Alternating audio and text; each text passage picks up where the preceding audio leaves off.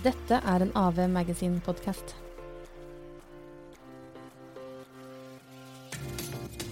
Bare den personlige utviklingen i starten var, var så skjør og eh, viktig for meg å gå igjennom.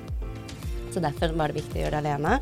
Men så er jeg jo veldig ambisiøs, jo liksom Jeg skulle gjøre alt veldig fort. Så på et eller annet tidspunkt så skjønner du at det er helt umulig å gjøre alt dette alene. Men da var jeg også litt mer klar for å åpne opp. I dag har vi besøk av Anette Miva Dimmen. Hun er gründer av klesmerket Avann, As We Are Now, som skaper komfortable klær for kvinner. Um, ja, hvem er jeg? Jeg uh, er jo da en uh, ildsjel, vil jeg si, eh, som liker å skape ting. Eh, har gründet et selskap før Avan. Eh, men hvor skal jeg egentlig starte? Altså, jeg er fra Tromsø. Ja. Eller egentlig opprinnelig født i Seoul i Sør-Korea, adoptert til Tromsø, vokste opp der. Eh, dro på lykke og fromme til London eh, for å prøve meg på popstjernedrømmen.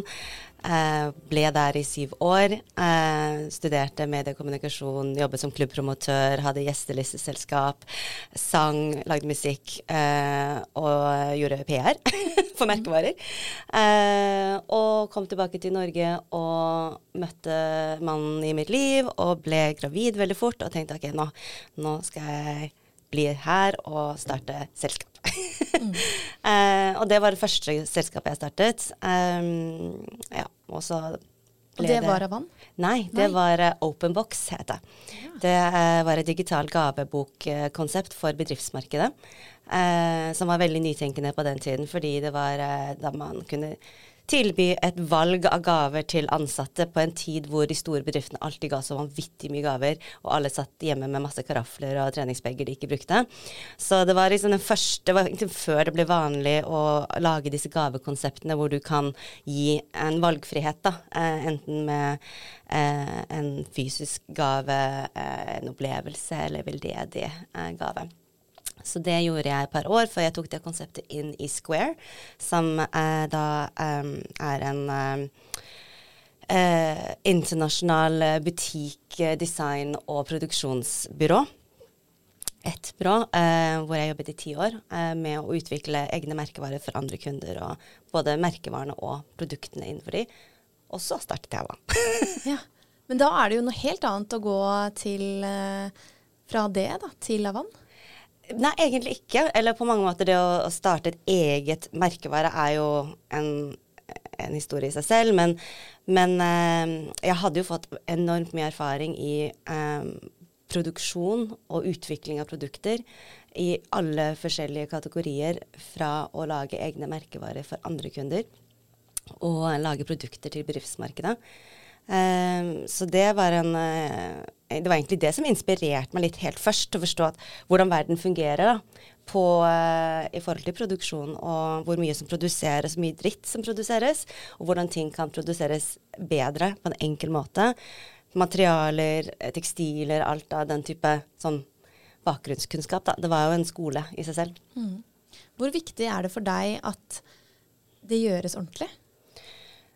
Åh, for et uh, Altså, det, det, hvordan det gjøres ordentlig. Um, og hva, å definere liksom for deg, hva, hva, er, hva, vil det si? Ja, det er jo altså, det er litt morsomt, fordi det selskapet jeg var partner i, het Square. Og det, var, det navnet hadde to meninger. Det ene er at man er square, rett og slett. At man ikke kutter hjørner.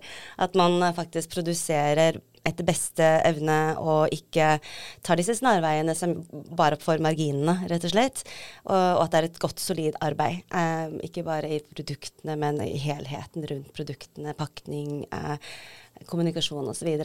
Men samtidig så var det jo et veldig kult byrå, så det var ikke square i en sånn engelsk forstand, da. Mm, mm. så det er veldig viktig å, å, å, levere det man lover. Og det har jeg merket veldig med Avan. Vi er jo veldig ambisiøse altså, som et merke.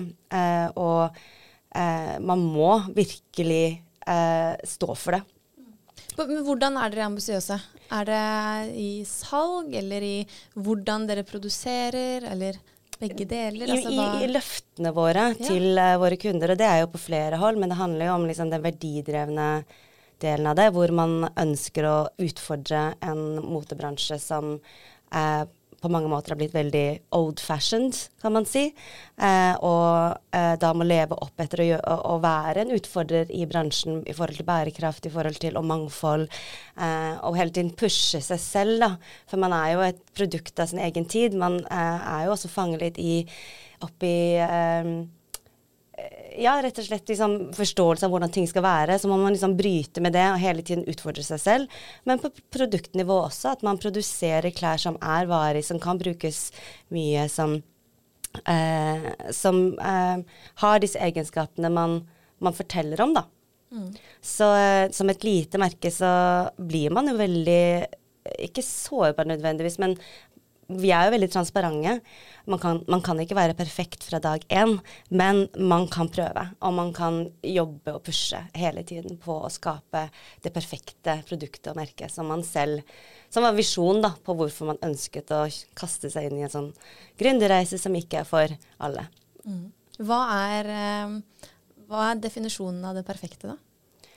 Hva er definisjonen av det perfekte? Det sånn i merkevaren til Avan, liksom? Ja. Altså, det finnes jo ikke perfekt, eh, vil jeg påstå, men eh, hva vi jobber opp mot, altså vår visjon, er jo å skape en positiv endring for eh, for kvinner i utgangspunktet nå, eh, men når det kommer til hvordan vi har det i klærne våre. Eh, å skape et alternativ der ute som får oss til å føle oss bra med oss selv, as we are now. Merket heter Avan, som da står for as we are now Eh, og møte kvinner der de er. Eh, og det er jo en reaksjon på noe som har vært veldig uperfekt. Det er jo en reaksjon på en mote som ikke har vært en venn for kvinner i så mange år, som har fått oss til å føle oss eh, at vi må se ut på én måte for å passe inn, og som rett og slett har vært vond. Eh, vi kler oss i ting som vi ikke kan puste i, eh, som vi ikke kan bevege oss i. Eh, og, um, så, så for, for, Avan, da, så er jo det, det, finnes ikke noe perfekt, men det finnes en annen kurs som vi ønsker å være med på å utfordre å, ut, hva heter det? utfolde? Nei. Utfordre? Nei, det var kanskje ikke ordet. Utforme. Ja, utforme. Var det det du sa? Mm. Okay. ja. Men hvordan, eh, hvordan, er det å stå i det, da? Altså sånn å faktisk komme som en liten nesten litt sånn ubetydelig helt i starten, og utfordre de store. Og så kan jeg nesten da eh, Det står jo på de små å virkelig mm. utfordre mm. de store også, for å kreve en endring ja. i hvordan produksjon og, og, sånne ting foregår. Ja. Og det er nok ikke alltid bare bare, for egentlig så burde det jo kanskje være de store. Ja, og, og, de store gjør jo veldig mye, og de har jo sånn unlimited uh, med ressurser og penger i sammenligning med de små, da, til å skape endring. Og det er ikke det at de ikke gjør det, det er bare at de har så vanvittig store um, operations som skal endres, ikke sant. Det er, det er, ikke så lett for de å kunne komme med et utsagn om at vi skal gjøre det, og at det faktisk stemmer, fordi de gjør ting Det er jo de som på en måte er med på å Eh, eller de tjener penger på et system som eksisterer i dag, ikke sant. Så på en måte så er det jo lettere for oss små å komme med bold statements og si at det skal utfordre vi, og dette er vi. Men så vil jo alle små på et eller annet tidspunkt bli større og større, og, ut, og på en måte oppleve samme utfordringene som de store. Og det er da jeg føler eh, du virkelig må stå i det, og virkelig eh, finne de løsningene som gjør at du kan leve opp til løftet ditt. da. Mm. Og for de som ikke kjenner til Avan? Ja, Avan er jo eh, et klesmerke, men det er mer enn et klesmerke, vil jeg mm. påstå. Det er et verdidrevet merkevare som handler om eh, å skape klær som får oss kvinner til å føle oss fri. Eh, og det eh, er et veldig sånn, stort utsagn, men det handler både i forhold til eh, intensjonsbasert design, på at alle kvinner kan føle seg komfortabel. Vi kaller det comfort first fashion eh, i klærne. Og den type, med den type tekstil vi bruker, som er nanotech-basert eh, eh performance-tekstiler, men eh, 100% bionedbrytbart og produsert på den mest bærekraftige måten som finnes. Så du kan være trygg på at dette er ikke en del av problemet i motebransjen. Men um, Eh, men at det er med på å få deg til å føle det litt annerledes enn du kanskje er vant til å gjøre i klær. Den følelsen av velvære i klærne er, er veldig unik, da, eh, sier veldig mange med Avan. Eh, også, eh, altså vi designer klærne for at det skal være komfortabelt, og for at folk skal føle seg fine, og at det er bærekraftig, bare sånn på bunnlinjen. Mm. Eh, men så, så, er det mye kommunikasjon rundt merket også i forhold til hvorfor vi trenger det. Mye bevisstgjøring på hva det betyr for en kvinne å føle seg så fri i klærne sine. Hva er tilbakemeldingene på det?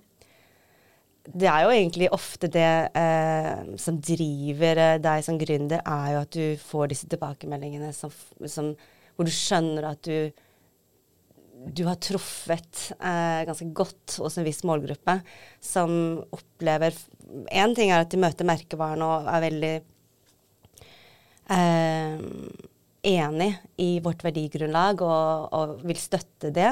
Um, vi har jo ofte kunder som på en måte stemmer på oss med lommeboken sin, kan du på en måte si. Men, så, men det aller sånn, viktigste for meg er at de tar på seg klærne, og så får de den følelsen som vi lover, da, på mange måter, eller som vi prøver å skape av dem. Bare, oh, OK. Er det sånn man kan føle seg i klær? så deilig. Ja, og, og ja, den tilbakemeldingen fikk jeg vel første gangen etter at vi før vi lanserte ordentlig, hvor vi gjorde en kickstarter-kampanje. Vi gjorde crowdfunding. Og det var jo før du egentlig har produsert noen ting. Også, men så hadde jeg en sånn følelse av at det er en type klær som mangler i mitt klesskap. Eh, og jeg vil lage den, den, type klær. Og så får du da disse som tør å satse på forhåndskjøpe eh, noe som ikke eksisterer ennå, basert på en visjon. Og så får du tilbakemeldingene, og det var liksom OK, wow dette var enda bedre enn jeg kunne på en måte håpe på. Folk, folk, som virkelig trenger komfort, men som ikke ønsker å gå på kompromiss med å se bra ut. Uh, enten at de er gravide, eller etter fødsel, eller at de har, går på cellegiftkur, eller at de bare rett og slett uh, har sett etter noe som de føler seg veldig Det trenger liksom ikke å være ytterpunktene, men jeg tror bare veldig mange kvinner i løpet av en måned rett og slett har så endring i kroppen sin at man, man trenger klær som ikke eh, gjør vondt. da. Mm. Og fra du starta nå, det, det var fem år siden, ikke sant? Eh, fra kickstarter-kampanjen ja. ja. til nå. Har verdigrunnlaget, eller har det noe endra seg? Har det blitt tydeligere for deg kanskje underveis hvilken misjon dere har? Absolutt. Man er, er jo jeg tror forskjellen med et uh, kleskonsept eller klesmerke, uh, produktbaserte merker som, altså med fysiske produkter, da, uh, startups, er at du, du, er ute i markedet fra dag én på en måte med produktet ditt, kontra andre mer sånn tech-startuper som bruker lang tid på å utvikle før de går ut. Um, og vi var jo i en veldig sånn prøvende oppstartsfase i starten på Um, lager vi de klærne som våre kunder virkelig ønsker? Forstår de merkevarekommunikasjon? Så det er jo alltid i, mm. uh, i en slags endring, da, basert på tilbakemeldinger. Vi sier jo at vi er både datadreven og community-driven, uh, og at vi har en veldig rask feedback-loop mellom oss og kundene våre, sånn at vi passer på at vi, vi, vi på en måte gjør dette sammen. Hører at det her er noe du liksom ordentlig brenner for og har jobba med, med, lenge. Men du starta dette her aleine? Ja, jeg gjorde ja. det. Ja. Hvordan, eh, hvordan, har den reisen foregått, liksom? Å, starte det her helt aleine uten en co-founder. Og så vet jo jeg litt mer om denne reisen, at det har utvikla seg litt over tid. Kan ikke du fortelle litt om det å, å starte noe selv, og så um, Du var jo med i vår aller første utgave av AV, yeah. The Independence Issue. Og da var uh, Da handla dette om det å gå fra én til å plutselig være en mm. co-founder i tillegg. Mm. Eh, og så har jo det også utvikla seg i etterkant. Mm. Kan ikke du fortelle om de, den utviklingen der, og ja, hvordan ja, det har vært? Det var veldig viktig for meg å starte alene i starten fordi jeg var Jeg hadde akkurat født et barn, og jeg trengte å gjøre ting i min egen tid. Jeg ønsket ikke å ha noen andre som skulle å, å, forholde meg til, rett og slett, i det første året. Uh, og i tillegg så hadde jeg vært partner i, med andre partnere i et selskap uh, i ti år. Og hadde bare lyst til å utvikle min egen stemme. Eh, og liksom tørre å stole på egne avgjørelser, intuisjoner. Eh, så bare den personlige utviklingen i starten var, var så skjør og eh, viktig for meg å gå igjennom. Så derfor var det viktig å gjøre det alene. Men så er jo veldig ambisiøs, det var jo liksom Jeg skulle gjøre alt veldig fort. Så på et eller annet tidspunkt så skjønner du at det er helt umulig å gjøre alt dette alene. Men da var jeg også litt mer klar for å åpne opp. Så da ble jeg med i Antler. Eh, eller jeg kom inn da i eh, Antler sitt andre eller tredje akseleratorprogram i Stockholm. Antler er en tidlig fase venture capital, eh, og investor. Og um, kom inn med Avan, da, så min hensikt med å, å, være med var å finne en co-founder.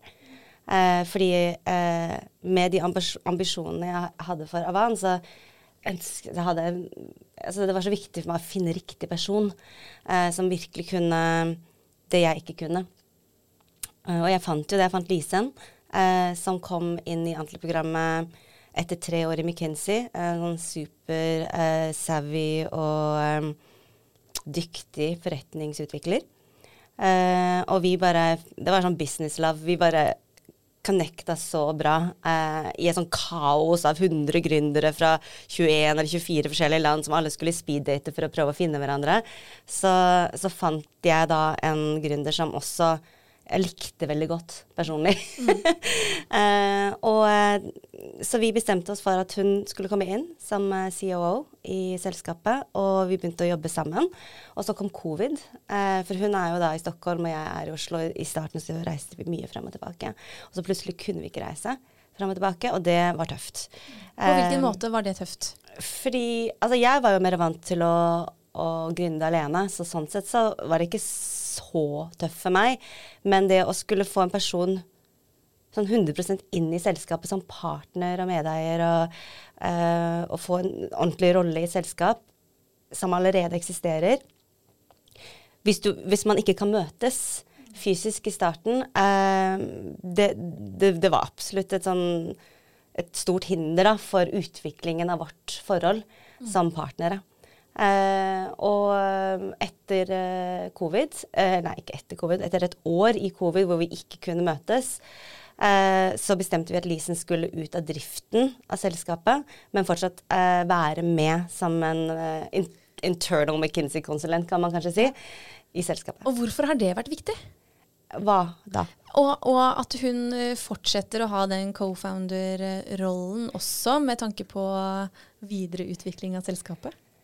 Uh, hva var egentlig altså, Først og fremst fordi jeg ønsket å ha henne med videre. Hun er en kjemperessurs, og vi, uh, hun hadde lyst til å være med videre òg. Det, liksom det, var ikke det det sto på. Det var bare mer at den gründerreisen er tøff. Den er ikke for alle. Og hvis du skal satse 100 på noe, og med alt det innebærer med uh, økonomisk usikkerhet osv., så, videre, så så er det mange ting som må være til rette da, for, for, noen. da. Og andre er mer sånn de kaster seg inn i det uansett. ikke sant?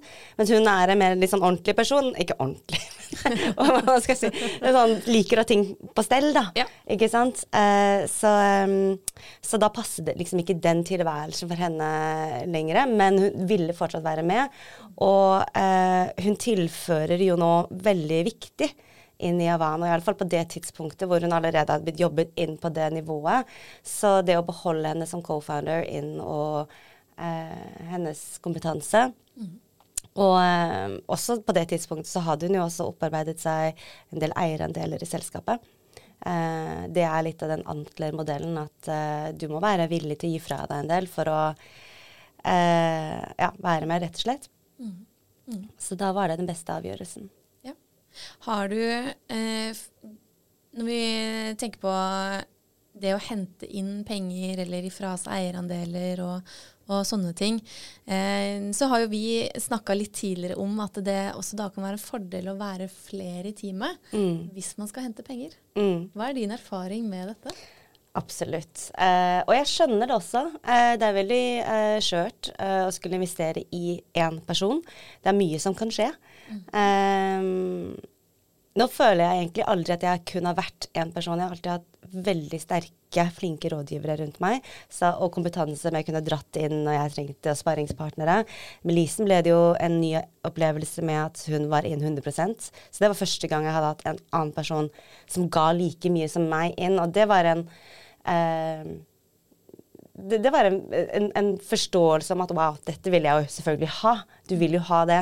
Men i forhold til og, og, og den personlige opplevelsen av viktigheten av å være flere, er jo det investorene er klar over. At det er tøft å være gründer og stå i det, og du skal gjennom mye bølgedaler. Så det å ha noen andre å støtte deg på, og at man er sammen om noe, er viktig. Eh, men jeg er jo ikke alene om Avan nå. Jeg har jo eh, ansatte, jeg har eh, veldig tette samarbeidspartnere på de fleste eh, i, de fleste kategorier, håper jeg å si. Mm. Eh, men skal man vokse, så må man være flere. Mm. Hva, hva, vil du si har vært det tøffeste og kanskje mest sårbare i, i det å starte Avan? For meg så har det vært den økonomiske usikkerheten. At du tar eh, Jeg er jo ikke bare meg, jeg har familie, barn, eh, forpliktelser. Eh, og jeg har aldri ønsket å skulle være en byrde økonomisk for noen. Så, eh, så, det å på en måte stå i å dekke din økonomiske del av forholdet, på en måte, eller familien, og likevel tjene så lite eh, i oppbyggingsfase, Uh, det har faktisk vært det tøffeste for meg. Eh, jeg kan stå i mye usikkerhet. Jeg kan tåle mange nei. Jeg kan eh, Jeg føler at jeg er ganske hardhudet uh, på alle områder, så fremst uh, det ikke går utover andre. Mm. Så lenge det bare går ut for deg selv? Ja, ja. egentlig. Fordi jeg er så dreven. Altså ikke dreven Jeg er så Heter det drevet? Det er lov altså, å si det, ja.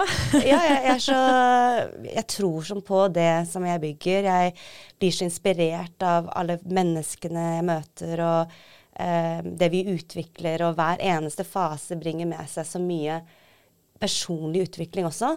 Så jeg føler at den reisen jeg er på med Avan, den er like mye en personlig utviklingsreise som mm. det er å utvikle et selskap. Føler du at det balanserer seg litt ut, den risikoen du tar med den økonomiske eh, risikoen, mot alt det du opplever, og personlig vekst og alt dette? Det er på en måte at det er verdt det? For meg er det det. Ja. Men det er som sagt når du merker at eh, OK, jeg hadde jo gründet et selskap før, og vi hadde jo kommet til et punkt hvor man tar ut faste lønninger og kan reise og kan gjøre ting som eh, Investere i, eh, i, de på en måte klærne og eh, tingene man ønsker, da. Um, men det hadde jo tatt tid, for vi gründet jo også opp et selskap. Og det å på en måte um, gå, starte fra scratch igjen, og på en måte kaste inn alle sparepenger og alt man har, inn i noe nytt, det er ganske smertefritt i en periode, og så begynner du å kjenne på den uh, skvisen. mm. uh, men uh, jeg tåler den. Jeg, jeg, jeg, har såpass tro på meg selv at jeg, at jeg, tenker at hvis dette av en eller annen grunn ikke skulle gå, så vil jeg alltid kunne få meg en bra jobb og tjene meg opp disse pensjonspoengene. og kan ikke tenke på at, Jeg kan ikke tenke på ulykker og ting som kan gå galt. Fordi hvilken annen reise kan man ta hvor man får så mye personlig utvikling så intenst mm. eh, servert, på en måte. Hele tida. Hele tiden. Ja. Ja. Men hva, hva, vil du da si at du syns eh, dette har vært det kuleste i løpet av den perioden, og skikkelig stolt av, av å ha fått til? Um. Um, og først og fremst er jeg jo bare stolt av at jeg kan stå og si at Altså, å lede et uh, selskap med at jeg ikke har en forretningsutviklingsbakgrunn, jeg har ikke økonomibakgrunn. Jeg var livredd for uh, veldig mye av det jeg sitter og gjør nå. har vært ting som jeg aldri Altså da jeg vokste opp Jeg har vært så kreativ person, ikke mm. sant. Så, så det å kaste seg inn i noe som er så nytt og uh, usannsynlig, på en måte. Mm. Eller har føltes før, i alle fall. Og å komme til et punkt hvor andre ser på meg som Og det her kan jo du så godt. Mm. Det er uh, litt funny. Og uh, det er jeg stolt av, at man har kommet dit. Mm. Jeg er stolt av uh, alle de fantastiske, flinke menneskene som jeg har med meg på denne reisen, som har nok troen på konseptet av meg til å investere penger og tid inn i Avan. Ja. Det er litt Eh, sjukt noen ganger å tenke ja. på at de har da gjort det De har troa på meg. Ja. Ja. Det er det. Eh, man kan ikke dvele for mye på det, men man må bare sånn OK, ja, men ehm, Jeg investerer jo alt selv inn i dette, så jeg må jo også da ehm, Jeg må også da egentlig ta det som eh, Altså, jeg kan ikke bli overrasket over at andre også eh, ser hvorfor. Mm. Men man legger ikke alltid like stor merke til sin egen utvikling. Eh, fordi det, blir, det er hverdag, og man håndterer bare de utfordringene som blir slengt mot deg, på en måte. Mm. Så sitter man der noen år etterpå og bare Fader, altså, jeg har gått gjennom dette, og dette lærte jeg, og nå er jeg mer rusta for dette. Og Ja. plutselig så bare der Oi, faktisk, jeg kan alt dette her. Eh, på en måte. Men også det å skape altså Jeg hadde jo en drøm siden jeg var liten om uh, å designe klær.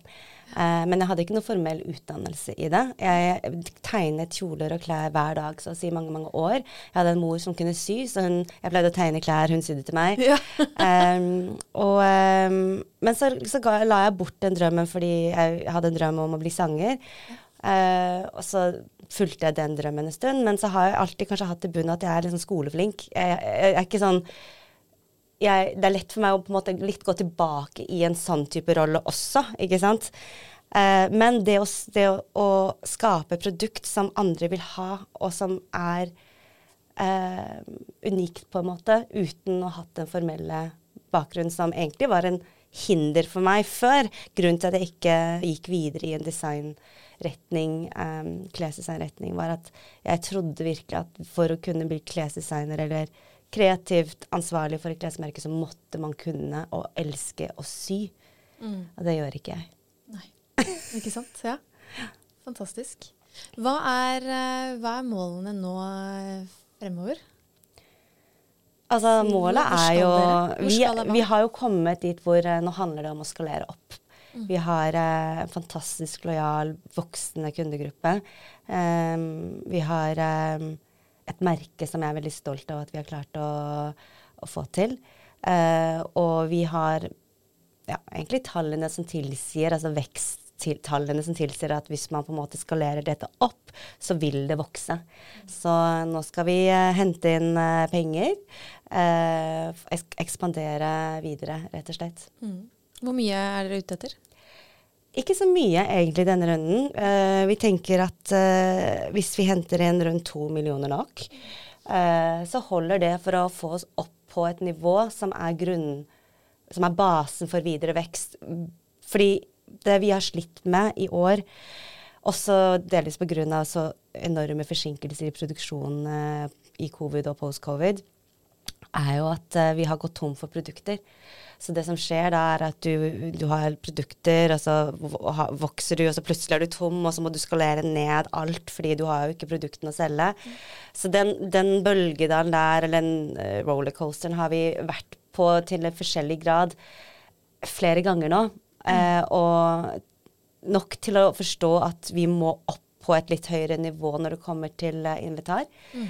Eh, og, ehm, og, og markedsføring til at man ikke kommer dit igjen. Det er vanskelig å vokse 100% ehm, organisk som et digitalt, altså direct to consumer klesmerke som vi er. Fordi vi har ikke hjelp, drahjelpen av eh, å ha masse butikker som eh, selger for deg. Vi har kun én butikk, og det er vår egen. Mm. Mm. Og da må, er dere jo 100 avhengig av at folk kommer Ja. inn i nettbutikken. Ja. Ikke sant? Vi må skape all eh, tra trafikken selv. Ja. Ja. Jeg vil jo tro at dere får mye av eh, word of mouth også, fordi eh, hvis jeg har sett Avan rundt på folk, så bare jeg elsker Avan. Så gøy. Så det er veldig sånn eh, komfortabelt, og folk kommer på fest og, og det også, så det er eh, Ja, det var så gøy. Jeg var på en eh, fest eh, for noen uker siden, og så plutselig så står en dame for- rett foran meg i min Min I en Avan-kjole. Hun bare Hei! og så, og da, det, liksom, det var så random. Det var liksom ikke nødvendigvis eh, Det var ikke en bransjefest engang. Det var så tilfeldig. Ja. Og jeg elsker det liksom Det skjer mer og mer nå, da. At, eh, og hun, hun kunne fortelle hele um, Avan-historien tilbake til meg, på en måte. Hun liksom ja, altså, hun, hun solgte inn mitt eget merke til meg. Det var så gøy. Ja, herlighet. Da, er det, da får du sånn derre fan nå, nå har man klart det på visse ting. Ja. Man har jo, og det kan du sikkert um, Det kan du sikkert det har sikkert, sikkert, du også opplevd, at man har nok av de øyeblikkene der som driver deg videre. Mm. Altså at, at, noen andre virkelig har sett hva du prøver å få til, og er, er med, liksom. Mm. Mm. Eh, og det inspirerer veldig. Og de, de, kan man leve lenge på, fordi ja. man sitter jo bare der og jobber, egentlig. Ja. Eh, sånn at det Ja, det, er, det gjør mye, da. Mm. Når man møter på sånne Jeg hadde senest i, i går en uh, Zoom med en uh, en dame som bor i uh, Nederland, som er en sånn supply chain director for et stort, stort merke, som bare jeg har kontaktet meg flere ganger og bare jeg har fulgt med på sidelinjen. Jeg elsker det dere gjør. Eh, det er dette som er fremtiden av bla, bla, bla. Og hvis jeg kan bidra på noen som helst måte. Og det er sånn det, det, det, finnes så mange der ute som nå ønsker å bruke kompetansen sin mer verdidrevent. Som ønsker å være med på å bygge eh, noe positivt. Ja. Og det er gøy. Fantastisk. Vi i AV jobber jo også for å fremme rollemodeller, sånn som deg selv. ikke sant? Har du hatt noen rollemodeller som du tenker altså, har liksom inspirert deg, og som du har sett litt opp til, eh, både før og under og, og sånn? Um, jeg føler at jeg blir inspirert av alle rundt meg på en eller annen måte. Um, jeg har liksom ikke en sånn veldig konkret den ene personen. Uh, da jeg var uh, i um, mammaperm, eller kanskje før det da jeg var gravid, og uh, gjorde mye research, så um, leste jeg og studerte faktisk litt Diane von Furstenberg. Um, og hennes gründerreise som motedesigner. Jeg syns hun var veldig inspirerende, faktisk. Um, og hun, hun kommer veldig Hun var egentlig den som først fikk meg til å forstå at det er så viktig at den gründerreisen er også din personlige utviklingsreise. At det var liksom hennes greie, og den har jeg virkelig mm. festa meg med. Eh, og så er det jo så mange fantastiske kvinner som eh, støtter andre kvinner i gründermiljøet.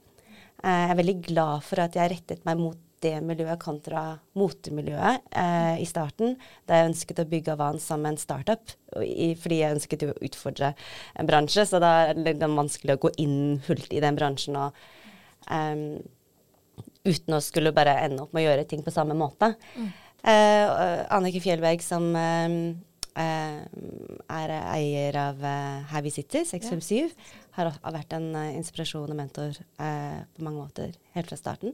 Mm. Og det er flere av de, egentlig. Nå føler jeg at jeg burde nevnt en drøss av navn. ja. ja. Sorry. Ja.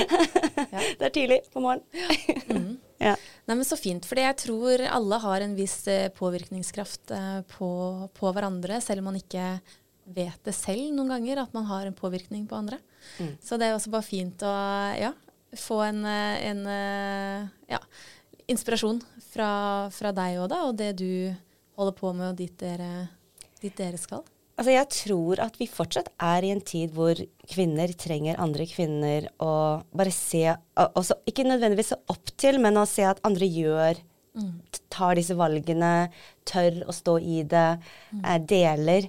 Fordi det er fortsatt såpass få mm. som gjør det. Tar den risikoen til tross for familie, eh, og så går det greit. Forhåpentligvis. Så forhåpentligvis. og hvis det ikke går greit, så går det likevel greit. Ja, det er faktisk min mantra. si. Hvis det ikke ordner seg, ja. så ordner det seg. Ja, Enig. Det ordner seg likevel, liksom. Altså Man mm. finner en eller annen måte å håndtere utfordringene. Vi er jo skapt for å overleve, mm. på en måte. Eller ja, vi alle dør jo, men, men eh, vi er skapt for å klare oss gjennom de ulike utfordringene som, uh, som kommer. Ja. Eh, så jeg tror jo på det at man ikke skal overtenke altfor mye. Nei, altså jeg er helt enig. To, hvis man skal være litt sånn uh, klisjé, to sånne utsagn som jeg uh, tror veldig på, det er det der med at hva er det verste som kan skje? Mm. virkelig. Mm. Og at alt du egentlig ønsker, er på andre siden av frykten. Ja. Du må overvinne den frykten ja. for å forstå hva som kan ligge av muligheter på andre siden. Mm. hvordan er når du er gründer, så overtar det jo ganske mye av livet ditt. Ja. Kl ja, ja man, man, eh, man, eh, ånder og, og, og, lever eh, for det. Hvordan har den kombinasjonen vært med eh, den andre delen av livet, da, som familieliv og, og andre ting? Jobb, altså sånn, du blir jo en rollemodell for egne barn og, og din mann og, og, litt sånne ting også, da? Ja, jeg vet ikke om uh, de vil si det samme. Jo da. Uh, det er jo uh, som alt annet noe du må jobbe med. Å få til en balanse som kan fungere. Fordi som du sier, det er ekstremt altoppslukende. Og hvis man er så dreven av jobben sin som det både du og jeg er. Man kan jo, man, man kan jo bli helt oppslukt og glemme alt. Eller ville liksom så mye at uh, du, bli, du blir aldri ferdig, ikke sant. Men samtidig så er jeg veldig glad for at jeg har den andre delen. Um, at jeg har barn og kjæreste som, som tvinger meg til å bli, være i nuet på en annen måte også. Uh, og har den delen av livet som uh, grounds me, hva enn det er på norsk. Um, og uh, det er en konstant indre kamp, i alle fall. På mm. tid og tidsbruk og um, fokus. Men det er en kamp som er verdt å ta. Mm. jeg har jo sagt til meg selv at hvis det er noe jeg ikke er villig til å, å um, til å ofre, så er det følelsen av det ikke Altså, så er det familien. Ikke sant. Mm. Og heldigvis så har jeg en uh, kjæreste som også er gründer, mm. uh, og som kan forstå veldig, og vi kan snakke om utfordringer uten å Altså med en veldig sånn, grunnleggende forståelse av hverandres situasjon. Mm. Så det hjelper. Eh, men man må, man, må, hele tiden jobbe med det. Mm. Tenker sikkert er fint da, å få litt sånn Du må skru av. Ja. Ikke sant? ja, alle har jo litt, kanskje litt forskjellige ting som ja.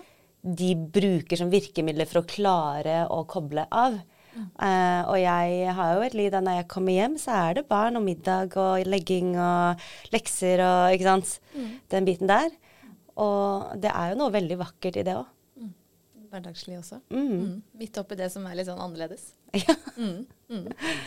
Men kjempe, kjempeflott, eh, Anette. Det er, det er, så spennende å følge med på, på reisen og, og, hvor dere eh, har vært, og hvor dere skal, og hva dere forsøker å få til. Og prøve å virkelig liksom utfordre det etablerte. da.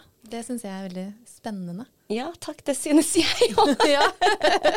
hvor skal dette lede? Eh, nei, altså man vet jo ikke. Men eh, jeg ser jo, selv om det er nå gått noen år siden jeg eh, lanserte Avan, at det fortsatt er, er veldig eh, plass for et sånn type merke som Avan. At det er fortsatt ikke så mange som utfordrer på mote, hva det kan være. Hvor, I mer sånn velværeretning, i innovasjon, i, i konsept og tekstil og, og design. da.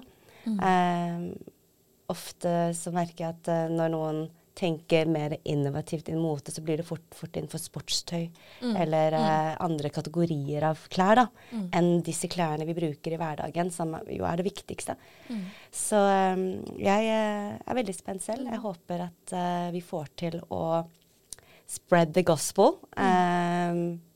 på et større plan enn det vi gjør nå. Ja. Og hvis, uh, hvis, de som lytter vil er nysgjerrig, da, hvor finner de deg og Avan? og ja, da må de gå på vår eh, nettside i vår nettbutikk, da, som er aswearenow.co. Um, CO. uh, og hvis de er uh, utenfor Norge, så er det .eu. Mm. Mm. Mm. Så vi kan jo linke til det i, ja, i beskrivelsen eh, av alt sammen. Akkurat nå er vi litt utsolgt, men vi får masse nye produkter inn veldig snart. Ja, for de har sett at dere bestiller klær på ordre? Ja, altså vi jobber mer og mer mot en on demand-forretningsmodell. Uh, og det handler egentlig om å løse den aller største bærekraftsutfordringen innenfor mote er overproduksjon. Mm. Eh, og vi har allerede et konsept som eh, løser det litt, fordi vi er direkte til uh, forbruker, at man ikke har alle disse mellomleddene som kompliserer. Eh, men hvis man også kan passe på at man produserer mer riktig antall eh, plagg i mindre batches og hyppigere, så eh, løser det enda mer. Eh, og eh, det gjør at man eh, i starten er litt sånn sårbar for eh, forsinkelser i verdikjeden, som det da var ganske mye av i år.